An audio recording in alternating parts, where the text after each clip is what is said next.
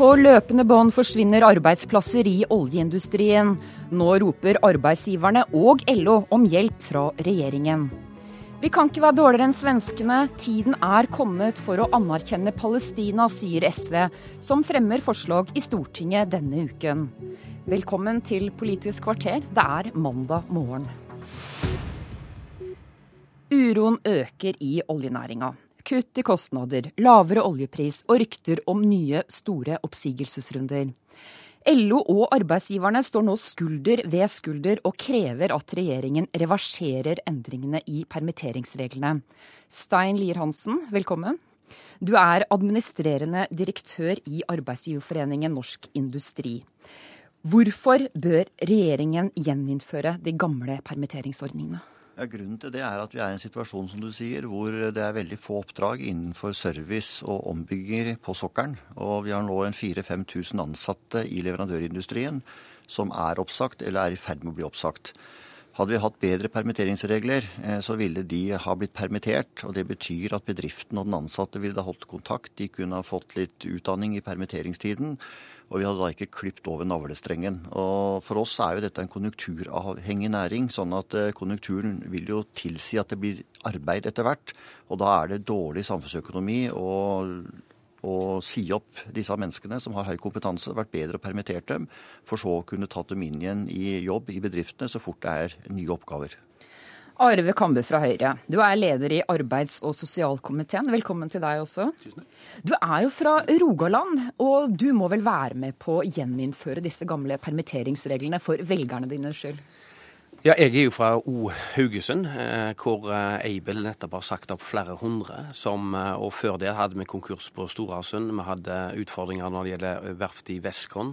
Så, så, jeg kjenner det jo på, på, hverdagen til Jeg kjenner folk som er, er ramma og sagt opp. Samtidig så tror jeg at den justeringen regjeringen har gjort når det gjelder permitteringsregelverket, det er altså at arbeidsgiverne betaler de 20 første dagene. Så minner jeg om altså at staten, skattebetalerne, betaler resten av perioden, som er et halvt år. Eh, så det spleiselaget der det er ikke nødvendigvis eh, ueffent for arbeidsgiverne, hvor altså regjeringen i praksis tar det aller, aller meste av kostnadene. Samtidig så tror jeg at vi har både fra storting, regjering og næringslivets side sagt at den kostnadene som er på sokkelen, det må ned. Det er skadelig for det øvrige næringslivet. Samtidig så tror jeg når det gjelder oppsigelsen som nå kommer, Alternativet for mange av dem er reelt sett ikke permittering for de aller fleste. Rett og slett fordi at eh, det er ikke sånn at om to eller tre måneder så detter det inn et anbud som de ser. Poenget at de kommer med oppsigelser nå, er rett og slett at de ikke ser det som de håper skal komme i framtida. Og dermed så går de til oppsigelser. Men når køene nå kanskje da vokser framover, Nav-køene eh, i Haugesund, i Stavanger, Sandnes, hva skal du si til de menneskene som da står i den Nav-køen? Først og fremst så tror jeg at eh, de aller fleste vil få jobb. Eh, all statistikk og erfaring viser at de som har en fagutdanning i bånn, er gjerne to-tre måneder arbeidsledig før man får en ny jobb. De aller fleste i Norge er mindre enn fem-seks måneder på, på, dagpenger før man kommer tilbake inn i arbeidslivet. Samtidig så tror jeg det er viktig for meg å understreke at regjeringen skal følge denne situasjonen veldig nøye. Jeg som komitéleder skal også gjøre det i forbindelse med budsjettbehandlingen. Og det er ingen tvil om at f.eks. Nav Rogaland må også se til f.eks. Haugesundsregionen. Nav Hordaland må se til Sunnhordlandsregionen. Og så rett og slett prioritere tiltaksplasser. Prioritere AMO-kurs, prioritere ulike tiltak der som de regionene som nå eh, eh, rammes hardest. Eh, men Stein eh, Lier-Hansen, det har vært bonanzatilstander i oljenæringa. Hvorfor eh, Er det ikke litt sunt nå da, at det blir en, på en måte en korreksjon i dette arbeidsmarkedet? Litt mer sånn forsiktige tider? Jo, altså det, har, det, er absolutt behov for korreksjon, men problemet nå er jo at de som blir sagt opp, det er jo mennesker som jobber innenfor service og modifikasjon. Og når oljeselskapene nå stopper store oppdrag, for å vedlikeholde plattformene sine, så er ikke det et kostnadsbesparende tiltak. Det er bare at du skyver en regning foran deg. Det er det som er problemet. Så må vi gjøre andre ting for å få ned kostnadene på Nordsjøen. Det er snakk om standardisering f.eks. av oppdrag, lave plattformer som er bygd på samme mal osv. Men det som er så uheldig nå, det er at vi opplever to ting samtidig. Vi mister oppdrag til Korea når det gjelder å bygge nye plattformer, samtidig som oljeselskapene av hensyn til sin interne økonomi stopper altså vedlikeholdsarbeid. Og det vet jo, hvis du har et hus selv, at du får et lekkasje i et rør, så kan du godt utsette å reparere det, men du skyver bare en regning foran deg. Eh, det er problemet nå. Også det er altså de oljearbeidere som driver eh, innenfor modifikasjon og service, som nå blir sagt opp pga. internøkonomien i oljeselskapene. Og Det er da vi sier at på et eller annet tidspunkt, om ikke så veldig lenge, så vil de serviceoppdragene komme tilbake igjen. Og da er det veldig uheldig at disse menneskene er oppsagt. Da burde de ha vært permittert, og de kunne ha vært da i en form for skolering. Vi kunne ha kursa dem, de hadde hatt kontakt med bedriftene sine, og dermed raskere kommet tilbake i arbeid. Det er sånn vi tenker.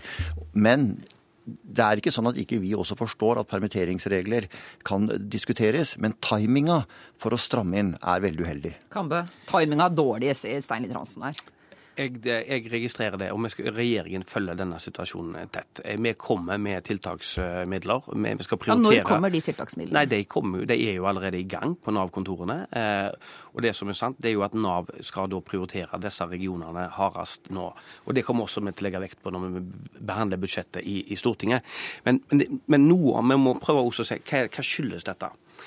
Mye av årsaken skyldes jo ikke bare at, at eh, Statoil f.eks., som nå kanskje blir ansett som verstingen, utsetter ting eller stopper ting. Det er jo også at oljeselskapene i stor stil har ført byggeoppdrag ut av Norge fordi at de påstår at det har vært billigere for dem. Når vi ser de siste ti årene i snitt etterpå, så har stort sett de aller fleste utenlandske byggeoppdragene gått virkelig gale. Sånn at endelig, endelig kontraktsum blir nesten identisk med det som de norske verftene hadde. Så jeg som, som, som stortingspolitiker fra Høyre og fra Haugesund og Rogaland, så ser jeg det i alle dager. Her må jo oljeselskapene og de som sitter i lisensene, skjerpe seg. Altså, de, Det er altfor enkelt å se på anbudssummen som kommer utenlands, når de stort sett vet at alle byggeoppdrag som har kommet, har hatt gedigne kostnadssprekker. Og I tillegg til det så må de altså ha tilleggstjenester fra norske verft. Stille de samme på norske verft. Jeg tror at den jobben må oljeselskapene gjøre så ser jeg at Statoil i dag har mye makt. Det er et poeng som regjeringen har sagt, og Høyre-Frp-regjeringen har sagt, at det er viktig med mangfold på sokkelen.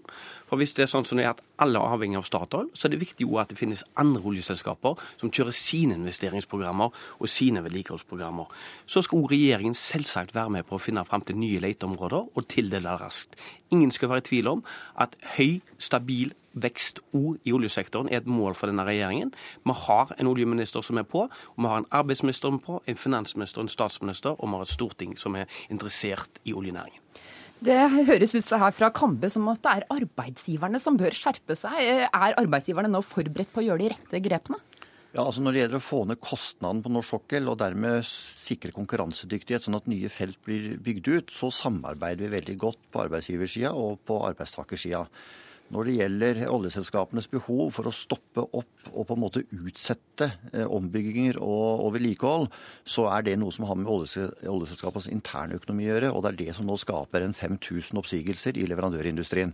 Så er vi helt enige med Kambe at det er synd at ikke vi har fått noen av de oppdragene som gikk til Korea når det gjelder å bygge nye plattformdekk.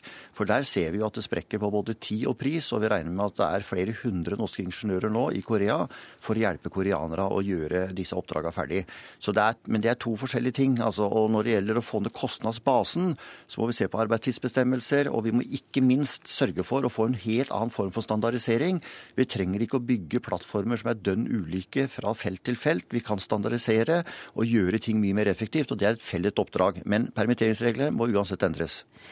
Da, eh, det var alt vi rakk om permitteringsreglene. Det hørtes ikke positivt ut for næringa, men tusen takk for at dere kom, Stein Lier Hansen, leder i Norsk Industri, og Arve Kambe, leder i arbeids- og sosialkomiteen.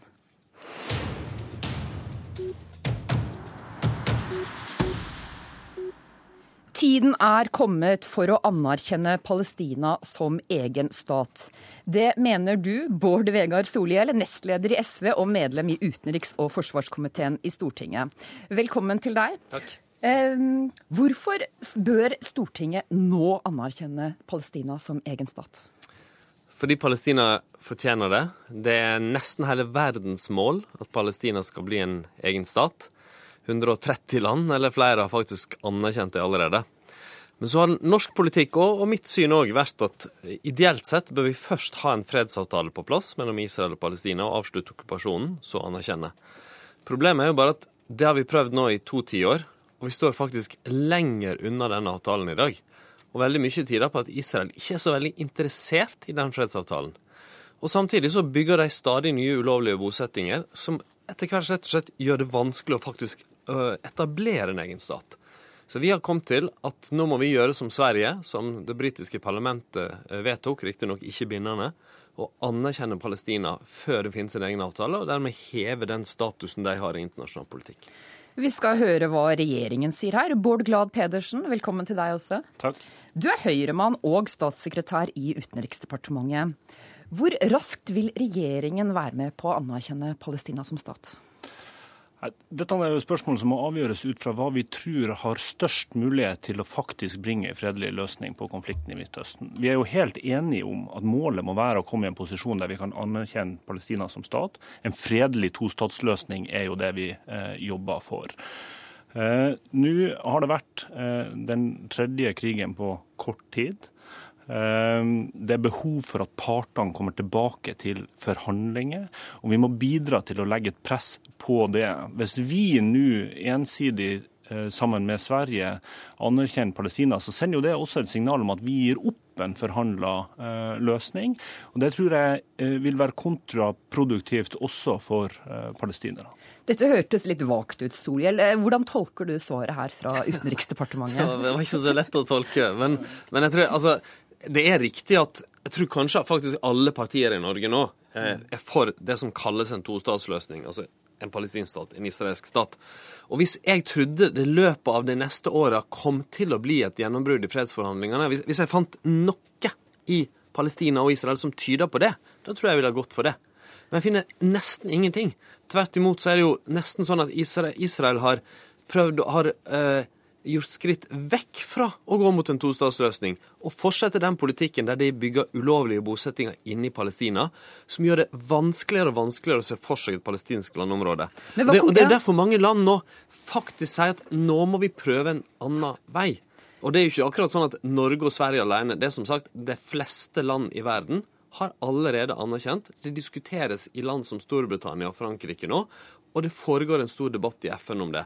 Jeg si hva vil, nei, jeg vil gjerne spørre om en ting der. Vil dere stille konkrete krav til Palestina før en sånn anerkjennelse kommer? Jeg tenker på de ulike fraksjonene der. Ja, altså, Det ideelle ville vært om de ulike delene av Palestina kunne samarbeide bli enige om en samlingsregjering. Det ble det jo faktisk i vår. Eh, det blir jo torpedert av Israel, fordi Israel ikke vil forholde seg til Hamas, den ene delen som har stor støtte i Palestina. Men det er en viktig grunn til at Israel er redd for det her òg, og at det kan bety, legge et press på dem.